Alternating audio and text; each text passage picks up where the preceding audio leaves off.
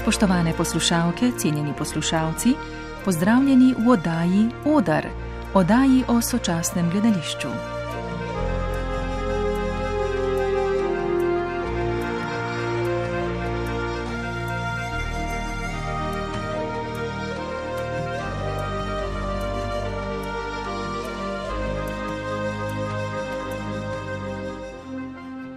Že dolgo je znano, da porečje reke Ljubljanice v sedimentih skriva mnogo sporočil iz preteklosti.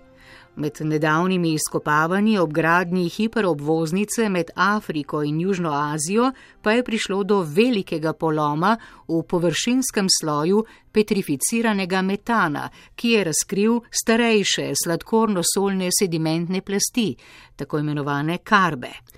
Pozornost raziskovalcev je pritegnila vrsta, ki so ji kasneje vzdeli ime Plastus sapiens. V lajčni javnosti pa je bolj poznana pod imenom plastiščarji. Živeli so na prehodu iz poznega pleistocena v zgodnji antropocen. Plastika je naravni material, ki se je nekoč v sorovi in nepredelani obliki nahajal v podzemnih nahajališčih. Plastiščarji so se skozi tisočletja izučili postopkov pridobivanja in predelave plastične rude v različne vrste plastike in pri tem dosegli dokaj visoko raven sofisticiranosti in učinkovitosti. Rudo so predelovali v različne vrste plastike, ki jim je služila tako rekoč za vse, kot predmet čaščenja, surovina za izdelavo uporabnih in predvsem neuporabnih predmetov kot menjalno sredstvo, za obleko ter za zunanje in notranje okrasje. Nobenega dvoma ni, da sta na samem vrhu plastiščarskega panteona sedeli dve božanstvi: vrhovni bog kapital in pa njegova družica boginja konzumerija. Ti božanstvi so častili s posebnimi obredi, ki so jih imenovali shopping in so se jih udeleževali vsi plastiščari.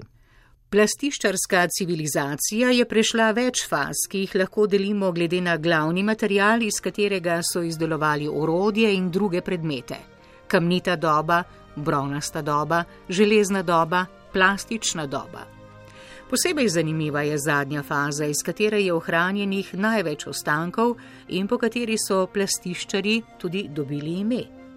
Za prejšnje faze je namreč značilno napredovanje od manj kvalitetnih k boljšim in obstojnejšim materialom, v zadnji fazi pa se ta proces obrne.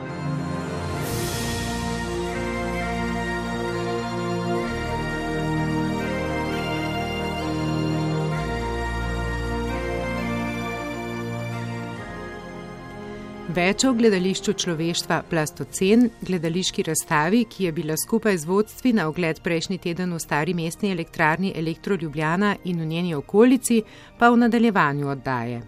Gledališče človeštva je duhovita muzejska izkušnja arheoloških najdb tuje civilizacije ob izumrtju človeka, ki si jo lahko gledalec ogleda sam ali pa v skupinski vodeni turi. Obeh primerjih prejme zemljevid razstave, čelado in esencialno reč 3D očala. Ko si očala nadenemo, ugotovimo, da šele takrat zares vidimo. Srečamo se z znanji, ki se jih je tuja civilizacija naučila v nas, plastiščarjih, predvsem o tekmovalnosti in konceptu konkurence, nebrzdanem kopičenju v imenu vere, brezbrižnosti do okolja in drugih vrst. Gledališče človeštva je imerzivna vizualizacija sedanjosti, njena prisotnost pa daje širši javnosti možnost, da se sreča s to fascinantno vrsto in v njej prepozna sebe, slovenskega plastiščarja. Je med drugim zapisal Jaka Andrej Vojevec, ki je pripravil koncept in besedila ter nas popeljal po bogatih najdbah plastocena. Poslušajmo. Dobrodošli eh, na vodenem ogledu po razstavi Gledališče človeštva Plasticen. Zelo me veseli, da si bomo lahko razstavo ogledali s pomočjo najnovejših eh, tehnoloških inovacij z področja vodenih ogledov. In sicer posebna stimulacijsko-simulacijska tehnologija bo omogočila popolno imerzivno potopitev in doživetje te razstave z vsemi čuti. Plastocen, se pravi Kot verjetno veste, ne, je pri zadnjem globalnem klimatskem segrevanju prišlo do množičnega izumrtja vrst in posledično so bili naši znanstveniki pripričani, da na tem področju, kjer se nahajamo, življenje ni bilo možno. Ne. Se pravi, da je zaradi visoke vsebnosti CO2 in toksičnosti ozračja vsakršna oblika življenja na tem področju bila nemogoča. Potem pa je prišlo do tako imenovanega velikega poloma. Eh, ko se je vrhnja petrificirana plast metana prelomila in pod njo so se pokazali sledovi, ki so dokazali, da so pravzaprav porečja in ravnice Ljubljanice nekoč, da jih je poseljevala bogata raznolikost flore in faune. No, in med to pestrostjo življenja in bujnostjo pa je posebej izstopala ena vrsta, za katero domnevamo, da je pravzaprav manjkajoči člen, ki nam bo lahko pojasnil mnogo o nas samih. O njih ne vemo veliko, Vemo pa, da so bili razumni do neke mere, vemo, da so se znali sporazumevati med sabo do neke mere, predvsem pa je sto odstotno dokazano, da so oboževali in častili neko posebno snov, iz katere so potem izdelovali razne umetelne predmete v svojo korist do neke mere. In ta snov se je imenovala plastika. In po tej snovi je dobilo ime celotno obdobje razcveta te kulture, plastocen in pa tudi sama vrsta, ki jo danes poznamo pod imenom plastiščari. In uh, tu imamo že priložnost ene uh, gustatorične, se pravi ukušalne simulacije in sicer imamo tle rekonstrukcijo plastiščarske vode in lahko kar poskusimo tole vodo, ja, ker to je brezalkoholno in um, varno, tako da kar na plastiščarje, na zdravje. Zanimiva barva. Uh -huh. Značilna za plastiščarje je ta živo modra barva. Ja. Mm, tudi, um... Izraziti okusi. Izraziti okusi. Ja. Kot ste opazili, je zelo sladka je ta pijača, plastična voda. To pa zato, ker, se, ker se pod zemljo tu na tem področju ne, nahajajo debeli sedimenti sladkorja. In ko je deževalo ne, in je ta meteorska voda pronicala, je topila ta sladkor in je pronicala v potalnico in jo onesnažil. Ne. In to sladkorno onesnaženje je značilno in tudi domnevamo, da je odgovorno za mnoge tegobe in bolezni, ki so pestile plastiščare, kot sklepamo po ostankih najdenih, naprimer diabetes, izpadanje zob, izpadanje las, kratkovidnost, tudi razne duševne motnje, domnevamo, da so bile posledice tega sladkornega onesnaženja, pa tudi mogoče celoten značaj vrste, za, katero, za katerega vemo, da je bila zelo destruktivna, zelo tekmovalna in pa zelo materialistična, nagnjena k materializmu. No, in ta lokacija, kjer se nahajamo, ne, se je imenovala uh, Mesečeva piramida. In tu je bil najsvetejši kraj plastičarske kulture, tu so se vršila razna bogoslužja in obredi.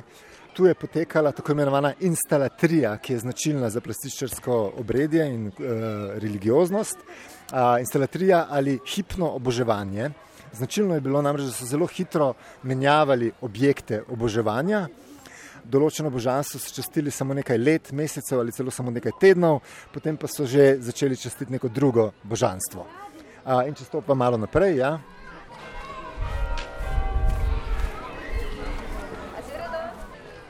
Tule lahko vidimo neko posebno plastičarsko obeležje, tako imenovani geoglif. Ne. To je taka velika talna poslikava, kot vidimo, ne, ki je vidna zares samo z velike višine in je bila domnevamo namenjena čaščenju bogov in pa ta značilna barva in pa te črte, ne, ki, za katere domnevamo, da so predstavljali ozvezdja, zvezdne konstelacije, ki so bile vidne na nočnem nebu v času plastiščarjev. Zato ta geoglif imenujemo nočno nebo. In pa še posebej vidna na tem nočnem nebu pa je bila zvezda imenovana Dončica v tistem času. Ne?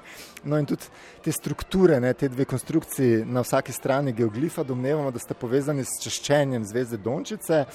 Ena je predstavljala Luno, druga Sonce in potem je bil poseben obred, kjer so krožno reprezentacijo matere Zemlje metali skozi sončni ali lunin obroč in s tem začenjali nov ciklus plodnosti in tam le vidimo tudi rekonstrukcijo tega, ne, kako je potekalo to češčenje v čast zvezde Dončice, seveda.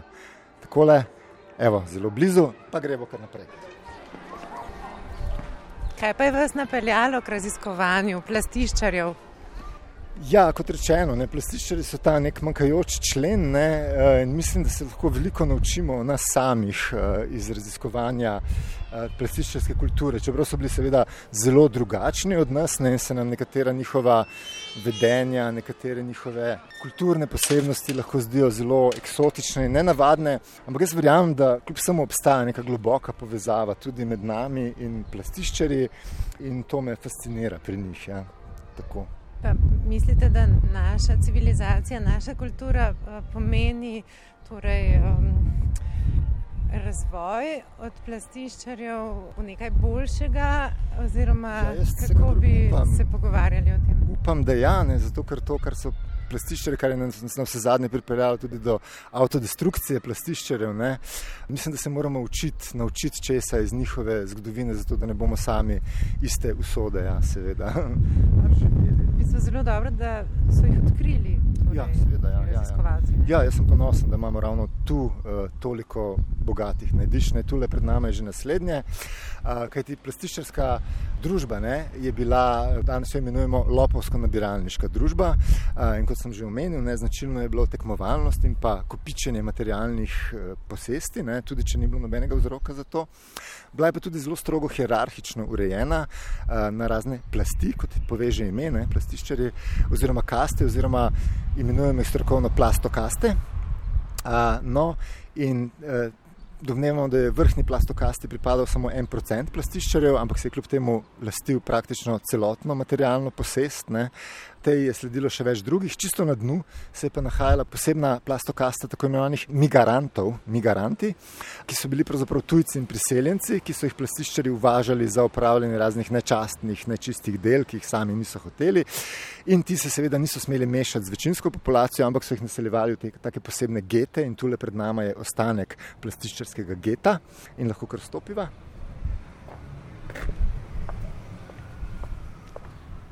Ja, kot rečeno, ne, ta najnižja plastokasta ne, je morala tudi živeti v najnižjem nivoju, dobesedno pod zemljo. Ne, in tu vidimo vhode v podzemska bivališča teh uh, pripadnikov te najnižje plastokaste. Ker veliko je teh vhodov bilo ne, in to priča o tem, da je bilo to zelo kompleksno in razvejano naselje pod zemljo. Uh, in tudi v današnjih znanstvenih krogih se je teh prebivalcev prijelo ljubkovalno ime podplastiščari. Tule je pa še posebna naprava, ki domnevamo, da je služila za komunikacijo s tem podzemnim delom, ne, ne vemo pa točno, kako je funkcionirala. Pa lahko greva kar naprej. Prostori, ki jih danes prepoznavamo v tem kareju, so morda tudi povezani s kakšno kasto teh plastičnih. Ja, to je še vedno, to je še vedno geto, to še vedno se nahaja v getu. Tukaj so ja, prebivali te podplastičari in pa ne samo oni, ampak tudi Ja, takole, ne, se pravi, plastiščari so za svoj življenjski prostor seveda tekmovali z drugimi vrstami. Mm, in ena od najbolj, največjih konkurentov je bila vrsta tako imenovanih arborjev. Arbori so bili eh, bitja, ki so vladala svetu pred pojavom plastiščarjev in zato so seveda prihajalo do raznih konfliktov in sporov. In plastiščari so se na neki točki odločili za dokončno rešitev arborskega vprašanja in to je vodilo tudi v arborocit, ki je najtemnejša, najmračnejša plat plastičarske zgodovine. Takrat so plastičari dobesedno izkrčili, izsekali arborska bivališča in kolonizirali celotna področja. Redke preživele so pa naselili potem v tako imenovanih arbolagerih, ki so potem v teh getih eh, bili nameščeni. Ne. In tule recimo vidimo primer osamljenega arborja tamle, ne vidite, kako je ograjen z vseh strani in mu je onemogočen vsakršen stik z drugimi pripadniki vrste. Arbolager se pa nahaja tule, rekonstrukcija seveda. In bomo lahko kar videli, v kakšnih nemogočih pogojih so morala ta nekoč ponosna bitja arbori živeti. Ne. Se pravi, oni so včasih poseljevali gore, planjave, ne. bilo jih je na tisoče. Tule pa vidite na parih kvadratnih metrih, ne. redki posamezniki, No, in ker se ja, seveda ta arbolager se je nahajal v getu in te podplastiščari so tudi skrbeli, so morali oskrbovati te internirance v tem arborju in tule so rekonstrukcije podzemnih bivališč podplastiščarjev, tule pa osamljeni arbor, ne, ki že tisočletja objekuje vsodo svoje vrste. Pa greva kar naprej. No, tule pa vidimo ohranjene nekatere primere plastične stenske umetnosti, stenske poslikave, na uni strani jih bo še več zelo smo ponosni, da se tu nahajajo te stenske poslikave, ki so najbolje ohranjene na celem svetu. To je tako rekoč prvi primerek umetnosti v zgodovini, ne? iz tega se je razvilo to, kar danes imenujemo umetnost. Tule to domnevamo, da je bilo včasih votlina, ne? potem pa se je strop udrl in to področje se imenuje plastamira. In to redno organizirate, ta vodstva po torej, teh ostalinah? Ja, to je malo odvisno od uh, sredstev, ki nam jih dodelijo. Ne? Tako da zdaj smo drugič organizirali te vodene oglede, ne? drugače pa razstava je pa vedno odprta, ja? vedno lahko kadarkoli kdorkoli pride eh, in si ogleda to. Edino malo je problem, kako prepoznati te ostanke včasih, ne? še posebej brez te uh, simulacijsko-stimulacijske tehnologije. Ne? Ki uh, obogati uh, to, uh, ki omogoča ta obogateni virtualno resničnostni ogled. Ne. Brez tega ni tako očitno, kaj je. Tule je naslednji plastičarski artefakt, ne. to je tako imenovani monoplast. To so bila, ja, tako, ja, odlično, vidim, da že malo poznate to. Ja. To so bila posebna obeležja, ki so jih postavljali ob romarskih poteh, ne, tle je neka zelo pomembna romarska pot, plastičarska tekla in so povezana s češčenjem časa, ja, te monoplasti. Vemo, da so povezani z darovanjem takih posebnih malih hosti. In potem, če so darovali monoplast v to hostijo, so dobili, pravzaprav so verjeli, da se na ta način lahko kupijo čas, ne, da si lahko podaljšajo življenje s tem. Katere vire zgodovinske ste pa preučili, da ste ob, ob pripravi Aha. te razstave? No, mislim, eh, to razstavo so seveda pripravili največji plastologi in ortopaleoarheologi našega časa, ne, zato ker, kot sem omenil, to je najbogatejše. Uh, najdišče plastičnih ostankov. Uh, jaz osebno pa ja, sem pač vodič, ne. jaz sem delal po virih, ki so mi jih izbranih virih, ki so mi jih pač izbrali, selekcionirali že mnogo bolj izobraženi z tega področja pred mano. Uh, pa vendarle uh, poznamo tudi ostanke neke pisane besede, kulture teh plastiščarjev, ste se uh mhm. -huh. morda navizovali na Aha, ja, ja, seveda, ja, seveda so ohranjeni tudi neki ostanki, niso še, mislim, delno so že dešifrirani, ne pa še posem, ne. Ta jezik plastiščarski ne, je bil precej rudimentaren, precej okoren. Eh, Uh, ampak kljub temu, ja, nekaj, nekaj virov se je ohranilo na zadnji lokaciji. Ne, eh, je možno se tudi malo nekaj prebrati od tega, od teh ohranjenih virov, tudi slišati rekonstrukcijo plastičnega jezika. Tako da, ja, tudi, tudi iz tega nekaj malega smo se poučili o njihovi kulturi, mm, posebej o njihovem razumevanju odnosov med spoli in tako naprej. Ja. Mhm. Kaj pa lahko o tem poveste? Ja, kako bi rekel. Ne, jaz ne bom sodel, ker res nisem ekspert, ne, ampak mislim, da to, kar sem prej govoril o družbeni, o tej hierarhiji, ne, to se tudi v odnosih med spoli se poznalo. Ne, vsekakor. A, tule je še en artefakt, ne, to je tako imenovana plastosfera. Tle gre pa za olfaktorično ali vonjalno simulacijo, ne. tu je rekonstrukcija plastične atmosfere, kakšen zrak so zdihali. Ugotovili smo, da je bil plastični zrak pravzaprav toksičen za naša pljuča, zato smo morali ograditi to. Um, ampak ja, če bi stopili bližje, bi lahko zaduhali, kakšen zrak so pravzaprav vohali plastičari. Sva pa že zelo blizu naslednje večje lokacije, tamle.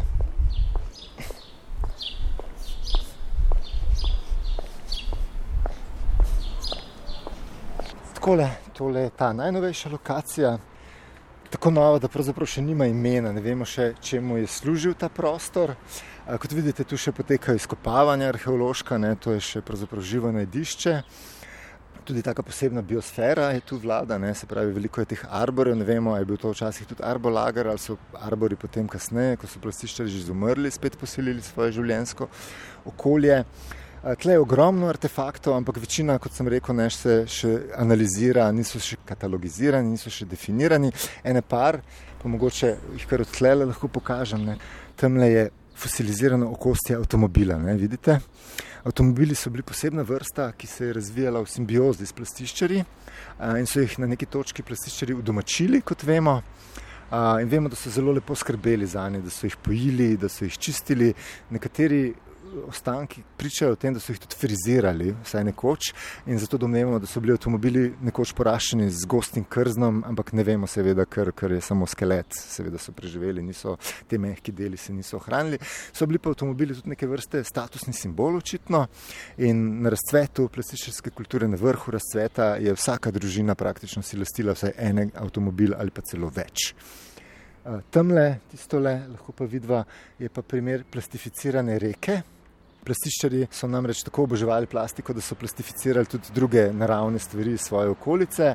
In posebej zanimiv je postopek plastifikacije vodnih virov, ker so jim dodajali koščke tako imenovane mikroplastike in to se je postopoma gostilo, dokler ni prišlo do popolne plastifikacije in tam vidimo to zadnjo fazo, ne se pravi popolnoma plastificiran izvir po katerem domnevamo, da so se potem spuščali kot po kakšnem toboganu, plastiščari.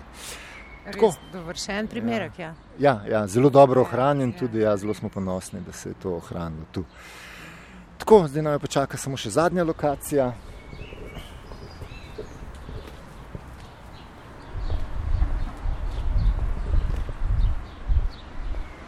Tej strani ne, lahko vidimo tudi eno tako multisenzorično simulacijo naravnih habitatov avtomobilov. Ne, se pravi, tako so se avtomobili, domnevamo, da premikali, takšne zvoke so spuščali, tako so vonjali. Uh, je pa tudi taktilna simulacija, to, tako da se jim ne smemo dotikati, ker so bili precej agresivna bitja avtomobili. Ja, da, in ta taktilnost ne bi lahko bila neprijetna.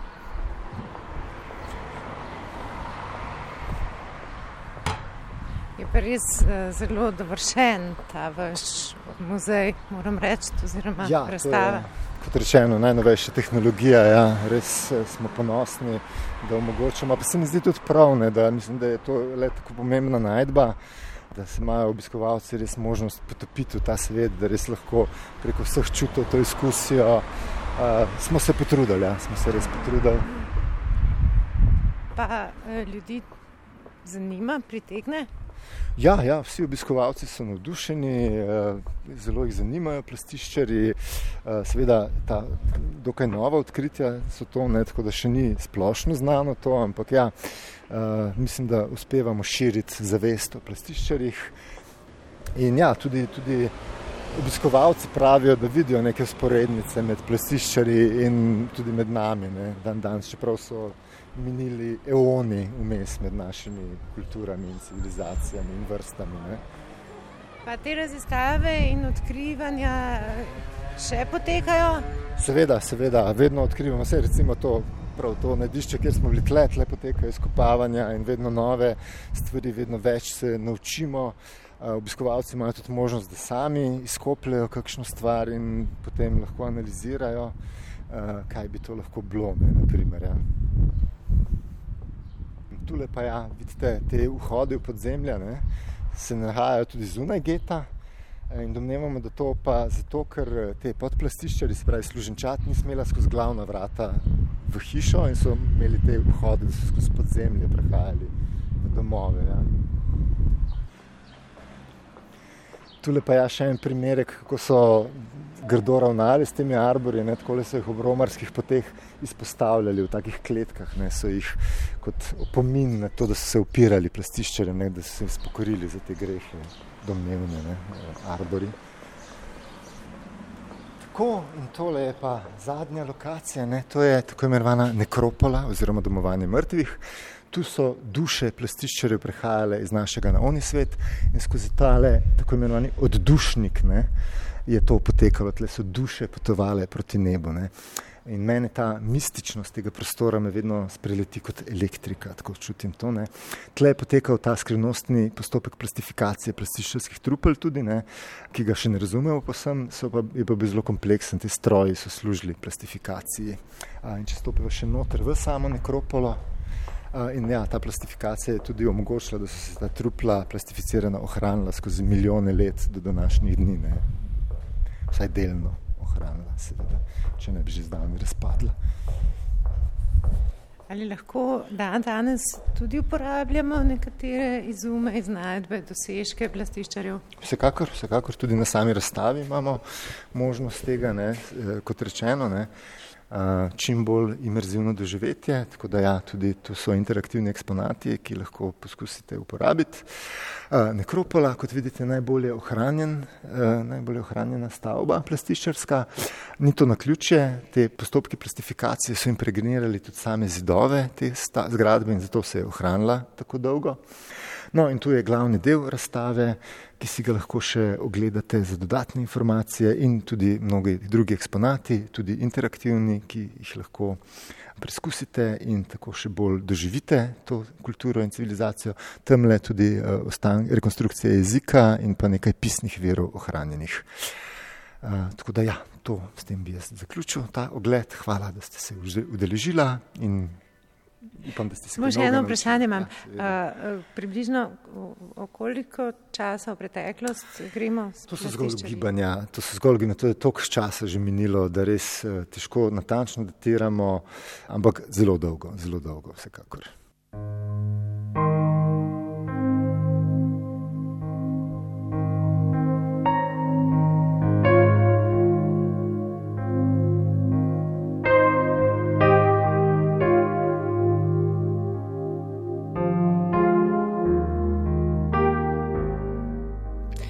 Je bil Oder, oddaja o sočasnem gledališču. Po gledališki razstavi Gledališče človeštva Plastocen nas je vodil režiser in avtor Jaka Andrej Vojevec. Gledališka razstava je bila premjerno uprizorjena na lanskoletnem festivalu Mladi Levi. Brala je Lidija Hartmann, zvočno je oddajo oblikoval Vito Plavčak, pripravila in uredila sem jo Petra Tanko. Lepo vas pozdravljamo in vam želimo lep dan še naprej.